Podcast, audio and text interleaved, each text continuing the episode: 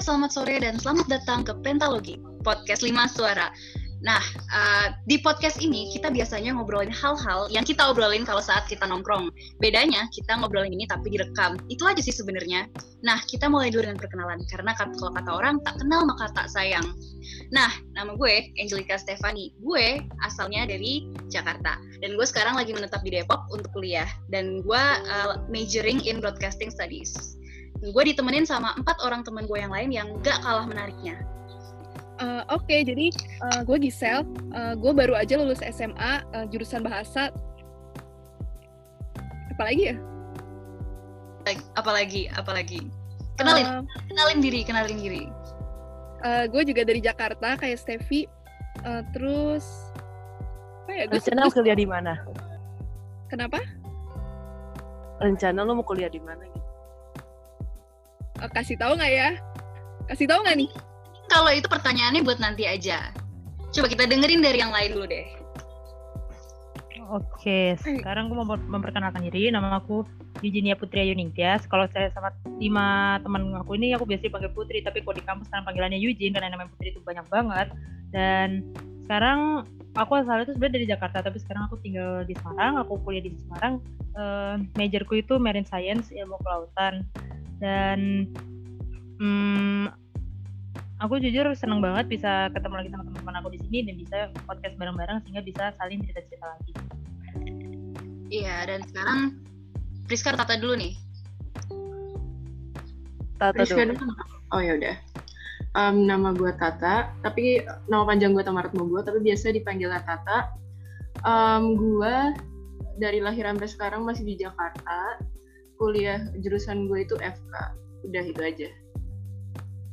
Oke, okay. halo guys, gue Priska Veronica dari Jakarta. Sekarang menetap di Manado karena kuliah.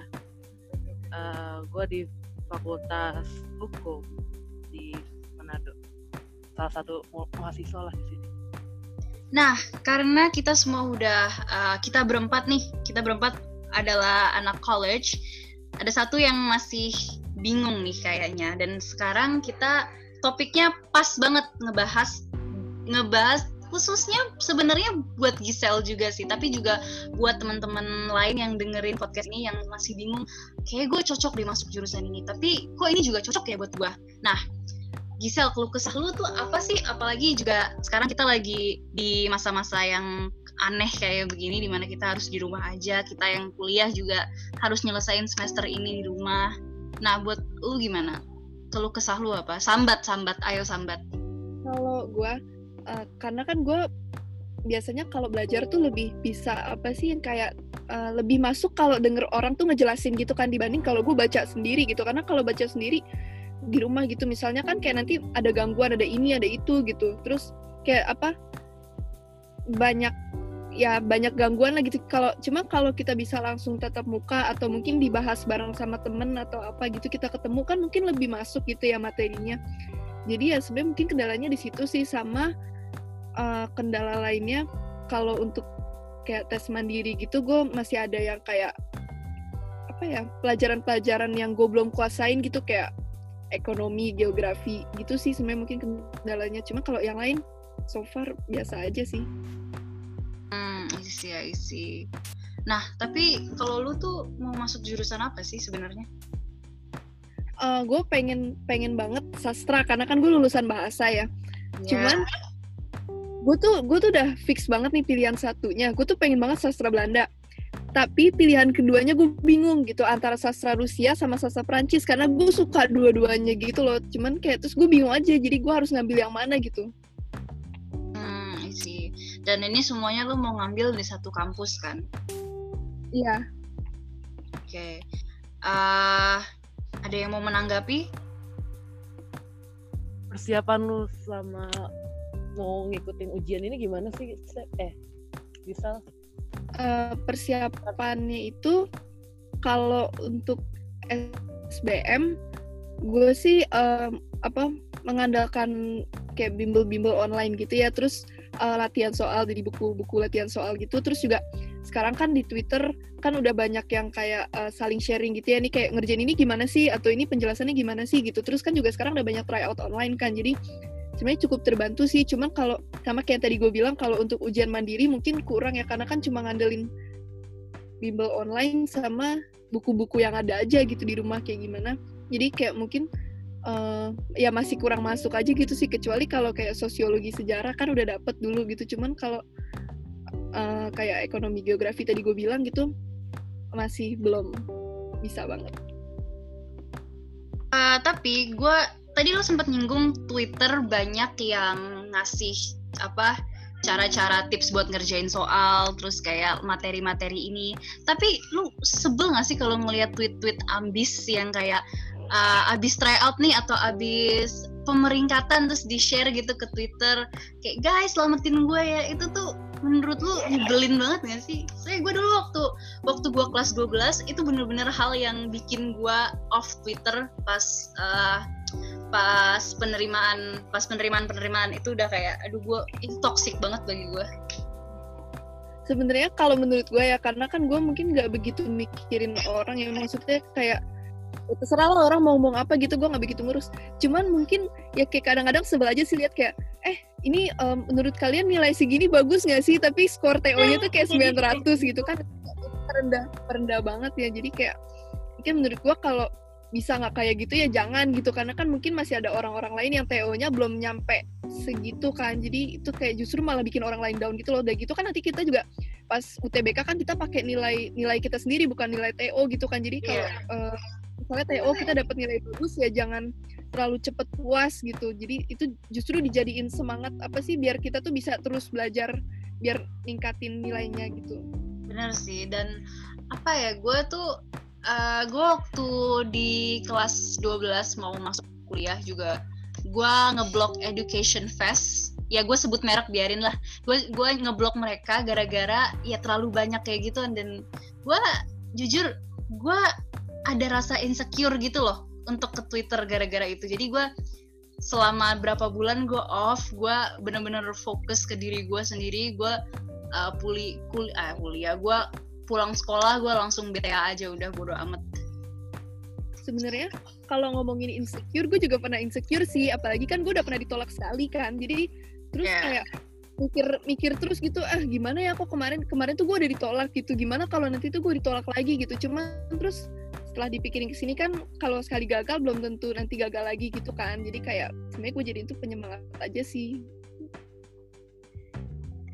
Isel, aku mau nanya juga dong. Boleh. Kayak kamu tuh misalnya nih kan aku juga salah satu yang kayak kamu juga yang waktu SNM gitu udah ketendang bahkan dari pemeringkatan aja sebenarnya aku udah ketendang gitu. Nah itu kan pasti kan langsung kayak ngerasa agak drop gitu nggak sih kayak tiba-tiba aduh gue udah kayak gini aja nggak bisa gitu. Terus kamu jadi kayak agak pesimis gitu buat tesnya. Nah waktu itu aku juga sempet tuh kayak pesimis aduh nih aduh SBM lagi gitu kan. Aku sampai aduh matilah gue gimana nih? Tapi tetap ini aja gitu tetap optimis aku berusaha untuk tetap optimis gitu. Meskipun ujung-ujungnya aku tanda kutipnya disakitinnya berkali-kali aja gitu. Gara-gara abis uh, ini abis kirit kelak SNM terus tiba-tiba UN aku tuh jeblok saat jeblok jebloknya bener-bener jeblok banget gitu. Nah kayak tapi aku tetap ngerasa bahwa aku tuh harus harus bisa gitu. Nah rasanya tuh kamu kayak uh, gimana caranya kamu membangun positif apa uh, rasanya yang maksudnya aura positif dalam diri kamu supaya kamu tuh kayak tetap apa semangat belajar gitu? Uh, kalau kemarin sih uh, waktu pas awal-awal ditolak itu kan mungkin masih nggak ada semangat banget ya kayak malah uh, kayak pikirannya oh, udahlah apa nyerah aja ya gitu. Terus cuman kan oke okay, ah masa gue gitu sih? Kok gue cepet banget nyerah? Gitu. Gue tetap harus semangat gimana pun itu caranya. Jadi kalau kalau ini kok cara gue ya gue pasang uh, apa namanya kayak wallpaper gitu yang kayak nyemangatin eh pokoknya lu nanti masuk sini gitu lu ini ini terus um, itu buku buku latihan soal apa segala macam itu selalu gue taruh depan gue biar kayak gue keinget terus oh gue harus belajar gue nggak boleh berhenti gitu. Uh, terus apa ya gue ngeliat kan ada banyak orang-orang yang udah keterima gitu ya justru gue malah semakin tertantang biar gue bisa kayak mereka gitu. Jadi ya sebenarnya intinya kalau emang abis ditolak gitu ya jangan langsung nyerah karena kan masih banyak ada banyak kesempatan gitu. Nah terus kalau selama masih ada waktu buat belajar ya terus majuin aja gitu kayak nggak usah pikirin orang lain yang bilang ah lu emang bisa masuk sini lu emang bisa itu gitu. Kayak jangan dipikirin. Nah itu bener banget. Soalnya gue dulu juga jujur aja dulu gue juga bukan anak yang pinter banget. Gue juga masuk sini sebenarnya murni karena ya maybe luck. I don't know gue nggak tahu apa mungkin cara gue ngerjain ujiannya bener. Gue nggak tahu juga tapi dulu dulu dulu tuh gue bukan anak yang smart lah untuk istilahnya for this kind of university that I'm in.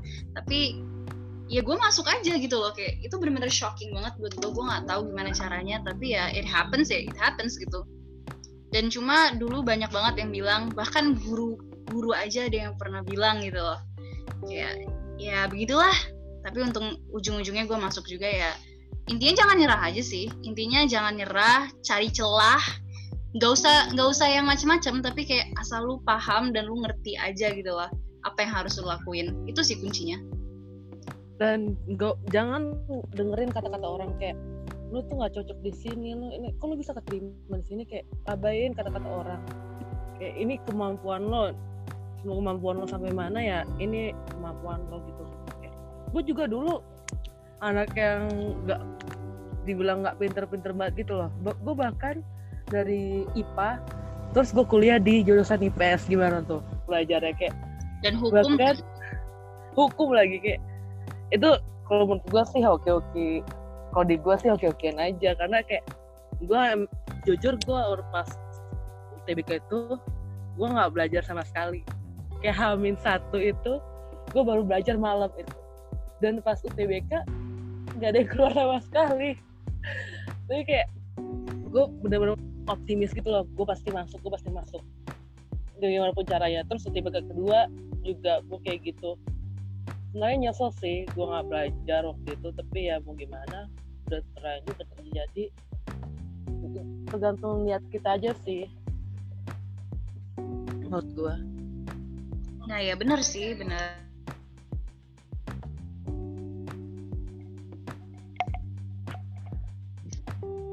Ya terus mau nanya apa lagi? Hmm. kalian ada yang mau nanya lagi kalian. Mungkin Tata kan kalian ngomongin soal yang pintar-pintar itu kan. Gue waktu SMA peringkatnya 10 besar. Cuma kayak gak ada gunanya karena endingnya di kuliah. Kuliah lu niat atau enggak? Itu sih yang paling yeah. uh, pengaruhnya gede. Lu kuliahnya niat atau enggak? Lu mau nyari peluang atau enggak di kuliah karena pada dasarnya SMA gue nggak bilang SMA itu berguna tapi kayak SMA itu adalah gimana menurut gue ya SMA itu adalah gimana lu cari cara belajar lu. Nanti lu kuliahnya mau di mana pun nah pas kuliah itu lu baru nyari kesempatannya lu cari peluangnya gimana buat um, optimize yourself gitu loh.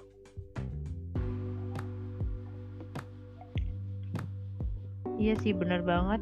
Kayak aku juga jujur berguna banget sih selama aku SMA gitu ya. Kayak kita ya mungkin kalian kan juga mungkin karena kalian juga tahu sekolah SMA kita tuh kan lumayan hmm, uh, kita lumayan disibukkan gitu ya dengan tugas dengan ulangan dan lain sebagainya gitu. Terus sekarang aku di kuliah ketemu juga tugas ya dan tugasnya juga rata-rata kan pasti kalau kuliah itu rata-rata tugasnya bikin makalah bikin laporan gitu. Di mana sebenarnya laporan sama makalah itu 11 12 sama kartul waktu kita SMA gitu dan itu bener-bener ngebantu banget bener-bener ngebantu banget. Jadi kamu langsung oh ini mah kayak kartu coba bedanya mungkin dia ditulis tangan atau oh, ini kayak kartu cuma ini lebih pendek atau uh, ininya lebih atau sumbernya tuh misalnya harus dari jurnal atau harus dari buku gitu. Menurut aku sih itu sih ngebantu banget bener-bener sih. Kayak ngebentuk Ngomong belajar kamu. soal soal kartul gue tuh sampai sekarang masih pakai template kartul cuma gue rubah aja kalau misalkan gue ada suruh bikin laporan atau apa template-nya masih sama persis kayak kartu gue sama sih. gue nggak rubah dikit pun. Cuma paling isinya doang dirubah ya. Ya wajar. Tapi wajar uh, fontnya terus kayak apa marginsnya semua format formatnya itu masih sama persis kayak kartu SMA gue males banget merubah tapi itu membantu banget membantu semua. banget kan? Eh gue mau balik lagi nih ke Gisel mau nanya dong. Kalau misalkan nih kayaknya amit-amit lah ya. Bukan enggak sih aku mau nanya opini kamu. Mending gap year. Sama kalian deh mending gap year atau swasta? Kalau ini kalau menurut gue ya kalau gue sih masih sebenarnya jujur masih belum bisa milih sih. Karena kan emang jurusan yang gue mau banget nih cuma ada di satu universitas ini doang kan. Jadi kayaknya mungkin ya gue akan coba segala cara gitu. Cuman ya kalau emang uh, gue harus pada akhirnya gue harus masuk swasta sih gue emang bener-bener harus nyari jurusan yang emang cocok banget buat gue karena kan gue dari dulu kan emang selalu ininya kayak bergelutnya dengan sastra gitu kan. Jadi takutnya kalau gue milih yang lain walaupun mungkin gue suka ya atau itu hobi gue atau apa tetap aja mungkin kayak uh, takutnya kurang apa namanya tetap kurang fokus. Terus jadi kayak masih kepikiran sama jurusan yang dulu impian gitu sih. Jadi sebenarnya kalau disuruh masih belum bisa milih kalau yang lain gimana? Gimana kalau misalkan kita turn back time gitu? Kita kembali ke masa lalu. Misalkan jujur aja ya, jujur aja. Sebenarnya kalau misalkan ditanya mau gap year atau mau swasta ini pilihan yang berat buat gue gue di satu sisi pengen mencoba lagi buat di buat masuk di fakultas atau jurusan yang impian gue tapi di satu sisi gue gue nggak yakin orang tua gue bakal ngebolehin dan ya gue udah pernah singgung dan memang nggak mereka nggak ngebolehin lah intinya. Jadi ya mau gimana lagi? Padahal tapi sebenarnya kalau misalkan ditanya mending gap year atau mending swasta kalau bisa gapir ya mending gapir aja. Sumpah karena kalau kalian swasta di kampus yang kalian gak suka kalian kepepet gitu ya istilahnya jurusan apa kalian pilih kampus itu dengan keadaan yang kepepet dengan keadaan yang buru-buru dengan keadaan urgensi gue harus kuliah tahun ini gimana pun caranya itu nggak akan bisa. Kalian ada rasa nggak rela deh?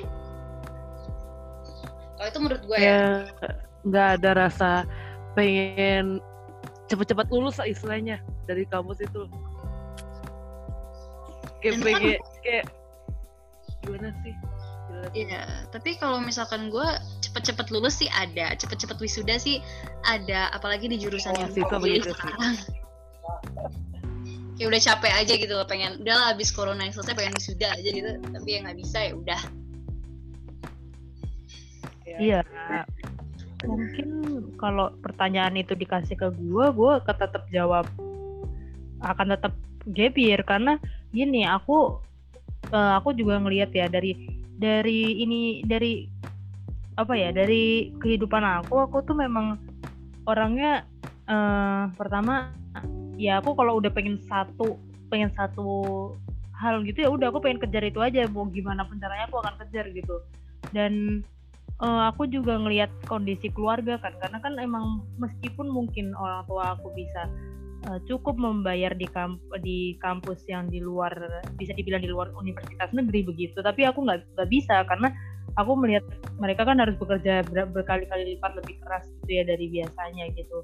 Karena harus membiayai kuliah aku gitu. Tapi sekarang nyatanya dengan uh, di negeri itu aku bisa menekan biaya kuliah aku gitu. Dan dengan mutu yang sama sebetulnya kan. Karena menurut aku sebenarnya universitas tuh semuanya mutunya sama. Hanya aja bagaimana para mahasiswanya gitu kan kan uh, nilai suatu kampus pasti kan dinilai dari mahasiswanya ya kan? Jadi ya semua tergantung mahasiswanya gitu. Tapi kebetulan juga karena jurusan yang aku pengen ini ada jurusan yang yang kebanyakan ada di kampus negeri jadi aku bener-bener sebisa mungkin aku mencoba untuk uh, masuk negeri gitu. Karena emang kebetulan jurusan ini lumayan langka gitu deh di di apa di uh, perkuliahan di kalangan kita gitu meskipun kalau di universitas negeri program ilmu kelautan tuh banyak tapi kan tentu aja aku milih program ilmu kelautan yang bisa dibilang terbaik lah gitu yang dia yang mempunyai akreditasi yang baik gitu. Dan ya puji Tuhan bisa ada di sini ya aku udah seneng banget gitu. Intinya sama sih sebenarnya gue sama Putri. Uh, ada rasa nggak rela kalau misalkan gue harus masuk ke swasta walaupun biaya sebenarnya masalah utamanya sih di biaya ya hmm. iya di biaya kayak gue juga nggak tahu kalau misalkan gue dipilih untuk swasta atau geber gue bakal geber sih. Karena gue mikir ya untuk biaya ke depannya kalau gue masuk swasta sedangkan adik gue tuh dia SMP mau masuk ke SMA swasta. SMA sekolahnya juga swasta. Gimana biayanya tuh kalau gue masuk swasta juga kan gak mungkin juga sedangkan orang tua gue yang kerja untuk saat ini cuma nyokap gue jadi gue mikir ke depannya juga sih. Paling gap year nah pas gap year itu kita usahakan untuk benar-benar belajar gitu loh untuk tahun depannya atau cari kerja gitu loh kayak kerja sampingan gitu loh buat ngisi waktu luang sambil belajar sambil kerja gitu loh. Kalau gue sih gitu Nah ya ini sih ini sih yang jadi perdebatan ya. Kalau karena karena kalau lu gap year, lu masuk kuliah tuh bisa jadi lebih siap gitu loh. Gue punya banyak teman-teman kuliah yang tadinya gap year untuk berapa tahun, tapi pas masuk kuliah tuh mereka bener-bener yang bagus banget karena mereka nggak cuma rebahan doang di rumah, mereka tuh bener-bener uh, belajar dan juga di samping itu mereka juga ngelakuin kegiatan-kegiatan yang bermanfaat. Kayak misalkan ada temen gue yang uh, ke kampung Inggris belajar bahasa Inggris itu terus eh, kerja atau magang itu tuh bener-bener bermanfaat banget. Dan kalian juga di masa-masa kosong itu bisa dapat sesuatu on paper gitu loh. Kalian bisa nambah nambah uh, sesuatu nambahin nilai poin di CV kalian. Jadi bermanfaat banget gap year itu sebenarnya. Tapi menurut gue sekarang untuk sekarang belum terlalu socially acceptable lah. Karena kalau gue lihat kayak anak-anak gaper tuh pasti dibilang sama keluarga besarnya kayak ah lu gaper nggak kuliah gini-gini. Pasti dicapnya kayak oh, bener, bener, gitu loh. ya kan? Kayak ja, kalian kalau kalau menurut gue ya jangan berkecil hati gitu loh kalau misalkan kalian gaper kalian harus tetap kejar itu loh. Kayak luangin kayak selama setahun itu lo benar-benar harus belajar lebih giat untuk, untuk dapetin univ di lebih bagus di tahun depannya gitu lu buktiin juga ke orang-orang kayak lu gue bisa gue walaupun tahun lalu GP gue bisa tahun ini dapat dapat universitas misalkan UI UGM gitu loh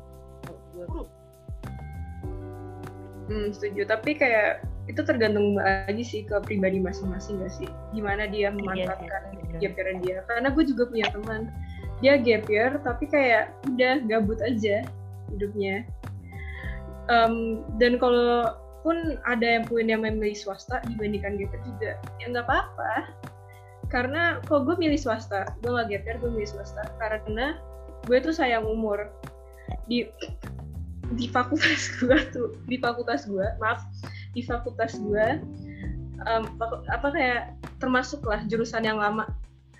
Ya. karena itu jurusan yang lama makanya gue sayang umur aja kalau lu karena mau F kalau kalau karena lu kedokteran jadi ya ya. Tapi kalau buat kita yang ya researcher communications hukum itu sebenarnya masih bisa ditunda sih. Cuma kalau lu kan enggak jadi ya I get I get it. Ya apalagi dulu juga pas pas zamannya aku masih akhir-akhir tuh jujur ya akhir-akhir itu kan adalah yang most stress full banget gitu loh karena pasti orang orang bahkan kalau kamu ketemu saudara kamu aja kamu ditanya-tanya gitu tentang kuliah kamu gitu. Ini dia nih itu benci banget stress, stressful banget iya. menurut aku. Gue gue sebel banget di saat-saat di kelas 12 mau masuk kuliah di mana gue gue nafas aja ditanya kuliah di mana.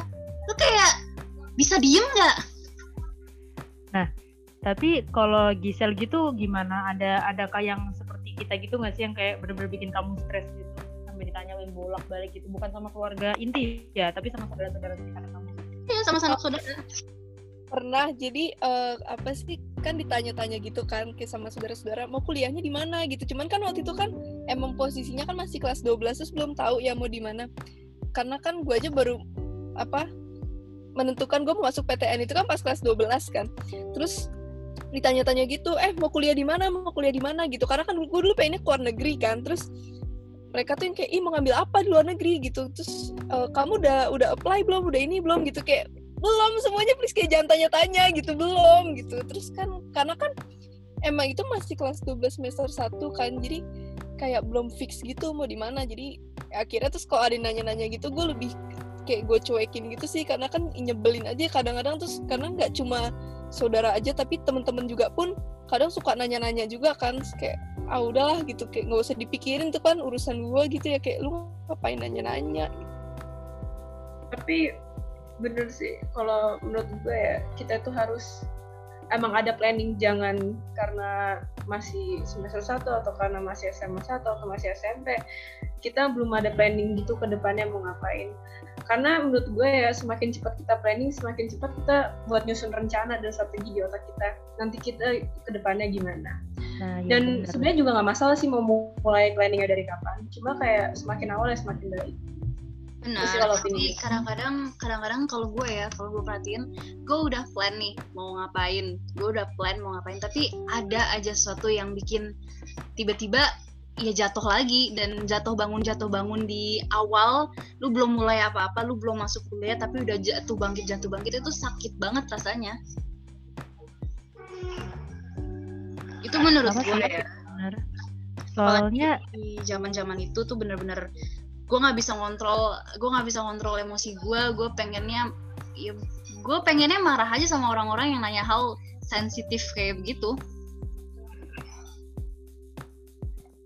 Iya sih bener, apalagi juga dulu aku eh, dulu tuh aku jujur kalau ditanyain gitu tuh aku aku nggak pernah mau ngomong aku mau masuk lautan gitu. Karena aku tahu itu pasti bakal orang-orang tuh bakal istilahnya bahasa Jawanya apa ya gumun gitu loh. Kayak ah apaan tuh? gitu. Jadi aku coba untuk mendrive untuk misalnya teknik atau apa. Itu aja keluargaku masih bilang. Bukan untuk bukan keluarga keluarga inti ya kalau bapak ibuku sih mendukung dukung aja. Tapi saudara-saudaraku tuh pakai bilang kamu kan cewek masa kamu masuk jurusan kayak gitu? Nanti kamu ini loh nanti kamu itu loh gitu. Bahkan yang aku tahu juga tuh kayak nanti kalau kamu ikut masuk teknik tuh nanti kamu tempat kerjanya di sini nanti kamu nggak enak gitu. Kamu nggak mau coba masuk hukum aja lah. Bahkan bukan aku sebenarnya menurut aku semua jurusan baik cuma stigma keluarga aku tuh adalah ketika mereka ngeliat ibu aku tuh orang hukum dan ketika aku nggak mau masuk hukum tuh bahkan ada saudara yang ngomong ke ibu aku gimana sih masa anakmu nggak mau masuk hukum? Itu tuh kayak dalam hati aku itu apa maksudnya? Gitu kan aku sebel kan itu stres banget aku waktu itu. Jadi kayak ah tahu ah gitu. Bahkan sampai aku sampai aku itu udah udah masuk itu aja dia nanya sama aku eh, di Facebook bahkan dengan gamblangnya dia nanya di komen masuk jurusan apa fakultas mana? Gitu kan aku udah ah aku nggak mau jawab pas sampai ah. bahaya banget gak sih? Eh, ini menarik nih. Aduh, sorry ini menarik nih topik sensitif. Pertanyaan-pertanyaan apa sih apa aja sih yang sensitif? Karena kayak orang-orang itu kayak kadang itu nggak tahu nggak sih ternyata topik ini tuh sensitif harusnya gue nggak nanya ini. Nih Iya. orang-orang itu kadang nggak Iya, bener. menurut kalian apa aja topik sensitif? Stevi mungkin langsung. Eh, kalau menurut gue sih lebih ke iya tadi tuh kayak eh, nanya kuliah di mana itu sensitif. Dan mungkin bagi kita yang udah yang udah kuliah ditanyain IP Iya, Ah, itu. iya. sebel gak sih lo ditanyain Iya, ditanyain sebel IP itu sebel ya sih ditanyain. "Eh, IP semester ini berapa? Ya udah sih. Aduh Apa urusan mereka gitu loh? Kalau orang tua sih nggak apa-apa lah kayak gue gue udah mencoba berusaha semaksimal mungkin tapi IP gue ya ya ya bisa dibilang Iya. bagus bisa dibilang enggak tapi ya udah nggak usah nanya apa ini nggak usah nanya gitu loh sedetail itu. sampai kayak nanya "Itu apa yang dapat B kayak Ah iya. Aduh, om gua banget. Eh, itu nyebelin banget kenapa kalau dapat B aku aja di satu yang C loh beneran loh apa Itu B, ada B itu B gitu loh B itu B B itu oke Iya, itu B. Oke, Bersyukur oke, enggak B. C. Iya, bersyukur enggak C gitu. mungkin bisa kalau Gisel gimana Gisel Gisel topik sensitifnya apa topik sensitif ranking sih nah Oh ya iya, iya. gue Salah. SMA juga ranking sih jadi waktu pas eh, kemarin SMA di bahasa itu kebetulan gue dari kelas 10 sampai kelas 12 kemarin kan selalu 10 besar ya. Cuman 10 besar itu juga kan kayak dari 10 terus ke 8 ke 7 gitu nah kebetulan nih temen-temen segeng gue itu yang mereka 10 besar juga. Cuman di atas gue semua gitu loh. Jadi kayak mereka ada yang ranking 1 ada yang ranking 2 ada yang ranking gue lupa 4 atau 5 tapi kan kalau gue terakhir kemarin kan ya jadi kayak agak jauh gitu sama mereka. Terus kadang-kadang ya kayak suka denger orang-orang ngomong kayak ih kok gitu sih? Kayak apa sih kayak segeng tapi kok yang satunya kok jauh gitu. Karena kan nah. gue emang kurang banget matematika kan. Jadi terus ya apa ya kayak jadi nggak pernah yang masuk sampai lima besar gitu. Sedangkan temen-temen gue kan masuk masuk sampai lima besar gitu kan. Jadi kadang-kadang suka sensi aja sih kayak ya udah terus emang kenapa gitu kalau gue nggak masuk lima besar? Gitu kan ya itu hasil gue selama ini gitu. Jadi kayak nggak ada urusannya sama lo. Gue banget dulu sih itu. Kayak Waduh, inget gak sih, Tak? Put. Kita bertiga. itu nyebelin banget waktu itu sih please aku rasanya mau marah kalau kamu digituin tau enggak kayak kesel gitu loh. Yang mana? gue sih. Jadi tuh gue ranking Tata kan 10 besar kan Putri kan gitu kan. Sama lah. Gue kan sedangkan gue kayak gisel gitu loh. Kayak beda sendiri. Kayak apa sih ini kan usaha gue ini kan udah gue kasih kenapa mereka kayak ih Priska gini Priska gitu Priska gini kayak meremehkan gitu loh sekarang kan jadi kayak, kayak kesel gitu Tau ah. Ya, Betul. sama sih. Kalau dulu Kalau- juga gitu, sama kayak aku misalnya aku ulangan nih, dapetnya aku remedial gitu ya kan. Misalnya Tata anggaplah Tata dapetnya 90 gitu, terus aku remet. Itu tuh pasti ada aja yang nyeletuk. Lu emang nggak belajar apa? Terus ada lagi dulu paling sensitifnya kalau misalnya kamu kayak Tamara dong gini gini gini dalam Iya, aku iya. ya bagi guru-guru tuh ya kayak gimana I, Tamara I, I already tried my best gitu Iya. mereka kayak gimana sih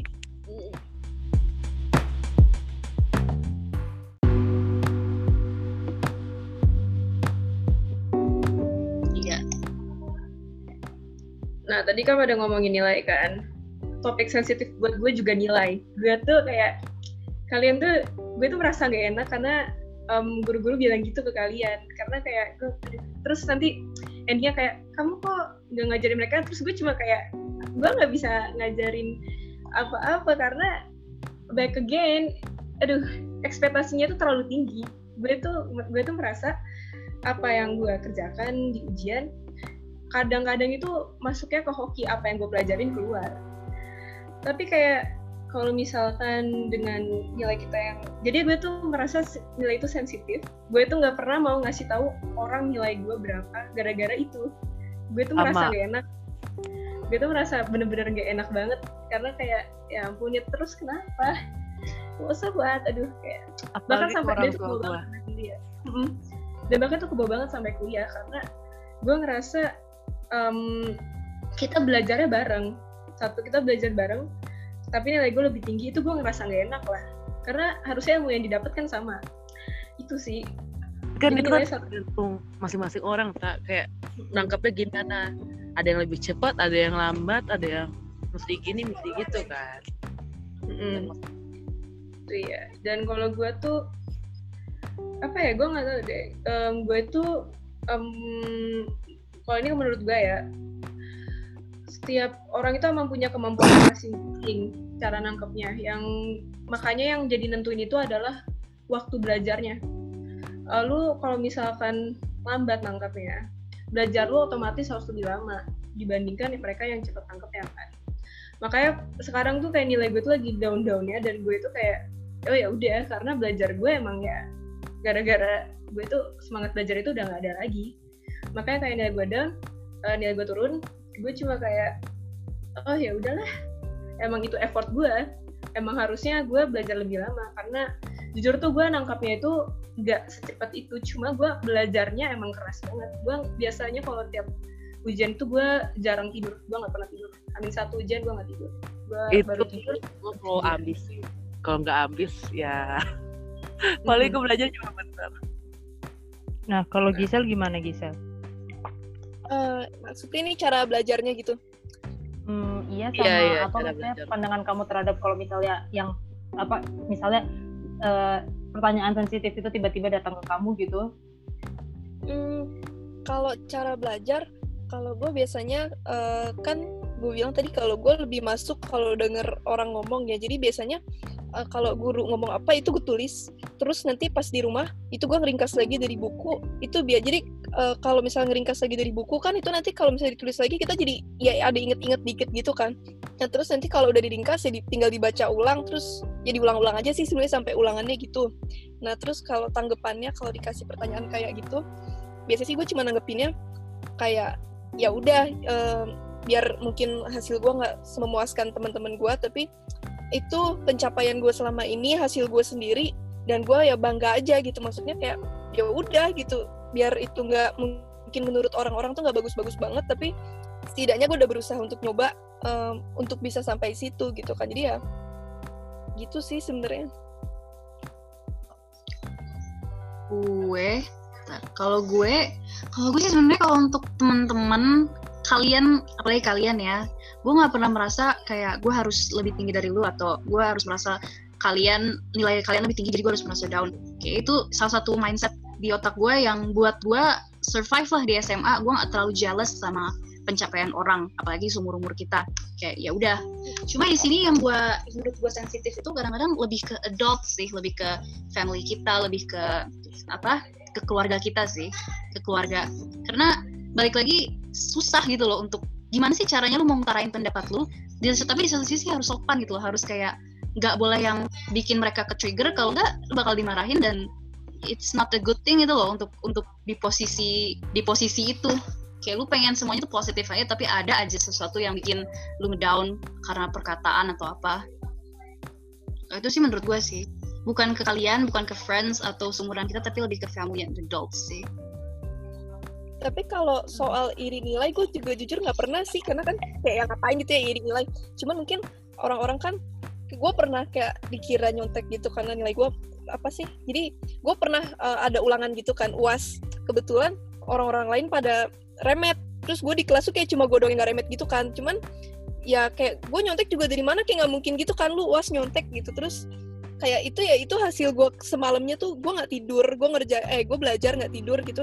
Terus tiba-tiba dibilang nyontek ya kesel aja gitu sih kayak kalau emang nilai misalnya nih kita dapat nilai jelek ya berarti kan itu emang ada yang salah dari kita kan kayak mungkin kita belajarnya kurang atau apa tapi terus kenapa malah nyalain orang lain gitu loh kayak dibilang nyontek lah apalah. Kayak maksudnya ya jangan jangan gitulah kalau emang sekiranya emang nggak bisa ngomong yang bagus ya kayak nggak usah ngomong apa-apa gitu. Gue pernah sih di posisi itu kayak gue udah benar-benar belajar serius terus gue dapat bagus terus mereka bilang kok lu bisa sih dapat ini? Kok lu bisa sih kayak sekesal itu nggak sih sel ya, kayak kan? kita udah berusaha kemampuan kita gitu loh. Terus kita dapat bagus salah. Kita dapat jelek mereka juga komen. Ya kan kayak, serba salah gitu rasanya iya, serba salah rasanya. iya. Sama ini sih kalau aku mungkin itu mungkin kalau jujur aku waktu SMA aku juga pernah iri sama nilai orang tapi irinya itu sebenarnya bukan kata irinya aku pengen sendiri tapi irinya gara-gara di trigger di trigger kayak kok dia dia aja bisa masa kamu nggak bisa? Itu kayak aku kayak wah ini maksudnya apa? Gitu kan aku rada sebel ya. Akhirnya aku jadi iri sama nilai orang lain terus kayak ya sebel pasti sebel ada ya namanya iri tuh iri kan manusiawi ya semua orang nggak apa-apa iri gitu. Cuma kalau udah kayak gitu biasanya aku cenderung kayak ya udahlah yang penting aku belajar nanti remet ya udah nanti belajar lagi. Cuma yang aku rada sebel juga mungkin ini agak nyimpang dikit tapi pas aku pulang ke Jakarta untungnya kalian-kalian ini teman-temanku yang paling baik hati aku pulang ke Jakarta ketemu sama orang dan aku tuh di asli ini sakit hati banget gak sih? Kayak kamu naik gini oh kamu terus gini ih kok kamu hitam sih balik-balik? Oh iya kamu sekolah kelautan ya? Itu tuh oh my god aku kayak kenapa kalian kenapa pasti kalian harus ngomongin pakai body shaming gitu loh? Heran gue ya? Sebenarnya nggak kayak nggak penting gitu nggak sih? Karena kan mau kita warna kulitnya apa aja juga tetap cantik bagus gitu kan. Jadi kayak ya emang kenapa sih gitu? Kalau kalau misalnya emang kenapa kalau misalnya kulitnya terang atau kalau kulitnya gelap atau apa kan? Iya, tapi itu emang orang Indonesia sih. begitu. Iya, ini menarik. Masalahnya gini, ini ngom udah ngomongin ngomongin bilang kulit aku hitam dengan dengan dengan kata-kata yang tidak berdosa loh ya. Dengan kata-kata tidak berdosa dia ngomong kulit aku hitam terus bilang iya kamu nggak apa-apa sekolah kelautan tapi kulitnya dirawat dong. Dan mati aku ya apa? What?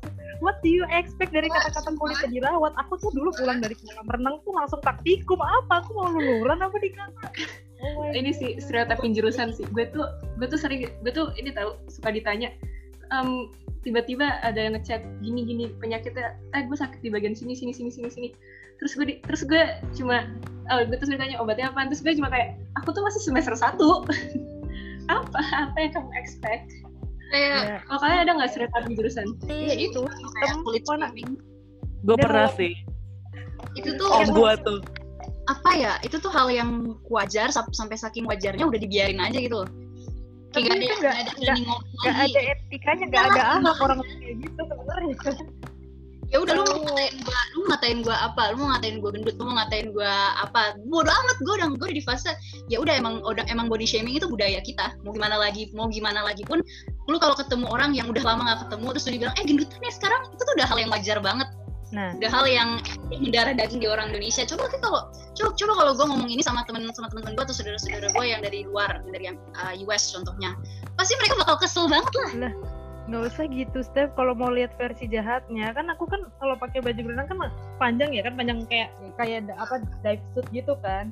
Nah kan kalau di bawah kan berarti otomatis kan itu nutupin sampai deket apa mata kaki ya? Mata kaki pergelangan kaki kamu. Kan pasti kan pergelangan kaki kamu bawa ke bawah hitam ya kan? Atasnya kan masih nggak terlalu hitam. Dan aku sampai dibilang kayak pakai kaos kaki lah apalah tuh sampai dikatain gini eh itu kaos kaki lepas dulu dong kayak pengen aku pukul orang-orang kayak gitu kayak gini loh. Kayak lu bercanda bercanda terus aku juga bilang kan kayak kamu jangan gitu kenapa sih ngomongnya kasar banget ya ya elah bercanda doang. Dan mati aku ya bercanda that that si, ah, gini loh kuliah tuh gak sebecanda itu cuy gitu loh. Heran gue juga pernah om gue tentang hukum-hukum gitu kayak uh, terus gue juga ber- berusaha dijawab kan kayak ah tapi semampu gue gitu loh kayak tapi untungnya om gue tuh nggak nggak terlalu ngerti hukum itu ya. Kalau ngerti aduh gimana ya? Sebi gimana? Ya kalau gue kan tadi gue udah ceritain cukup panjang tuh. Kayaknya itu aja sih.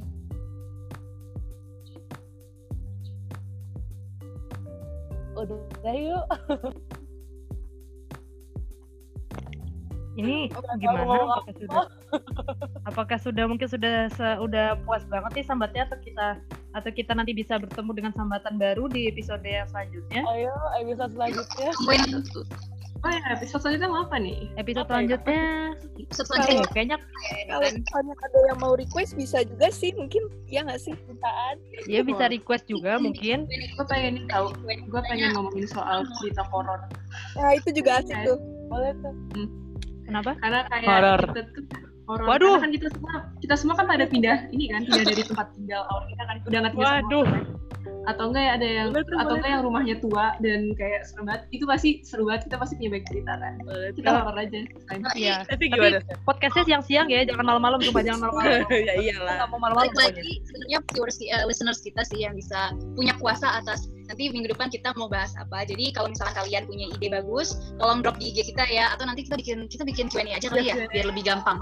Tapi followers kita masih dikit Gak apa-apa aku juga boleh iya ditaruh di IG kalian kita aja kalian aja yang penting pede aja sih dulu iya Hmm. Diam aja, friends. kita langsung aja nanti kalian akan topik-topik kalian akan kita bahas di podcast-podcast kami berikutnya IG-nya apa kak namanya? Pakai kak lagi. IG-nya apa? Mentalogi IG-nya apa? Kita podcast dan kita podcast minggu depan jam. Nggak tahu kalau ngomong ngomongin seriusan, kalau mau ngomongin horor-horor eh siang-siang kalau minggu depan gua nggak bisa ya minggu depan Enggak. dua minggu depan gua nggak bisa Maksudnya ini apa eh, uploadnya? Eh, nggak pokoknya kalau minggu gue cuma bilang kalau mau podcast minggu depan atau dua minggu depan gue nggak bisa gue uas Alright. Oke. Oh iya, Mas. alright Ini udah terus kita. Jadi Udah kita pamit. penutupnya? Oh iya. Bluetooth siapa? Bye bye. Boleh. Saya Tata dan saya pamit. Terima kasih Ketemu di sudah mendengarkan kita. Dadah. juga berterima Dadah. kasih sudah mendengarkan podcast Terima kita kasih kiranya guys. kiranya kalian senantiasa bisa eh, mendapatkan informasi-informasi menarik dan sharing-sharing dari kita Bye-bye. Ya, tunggu kita jam 5 hari Jumat minggu depan. Bye bye. Oke, dadah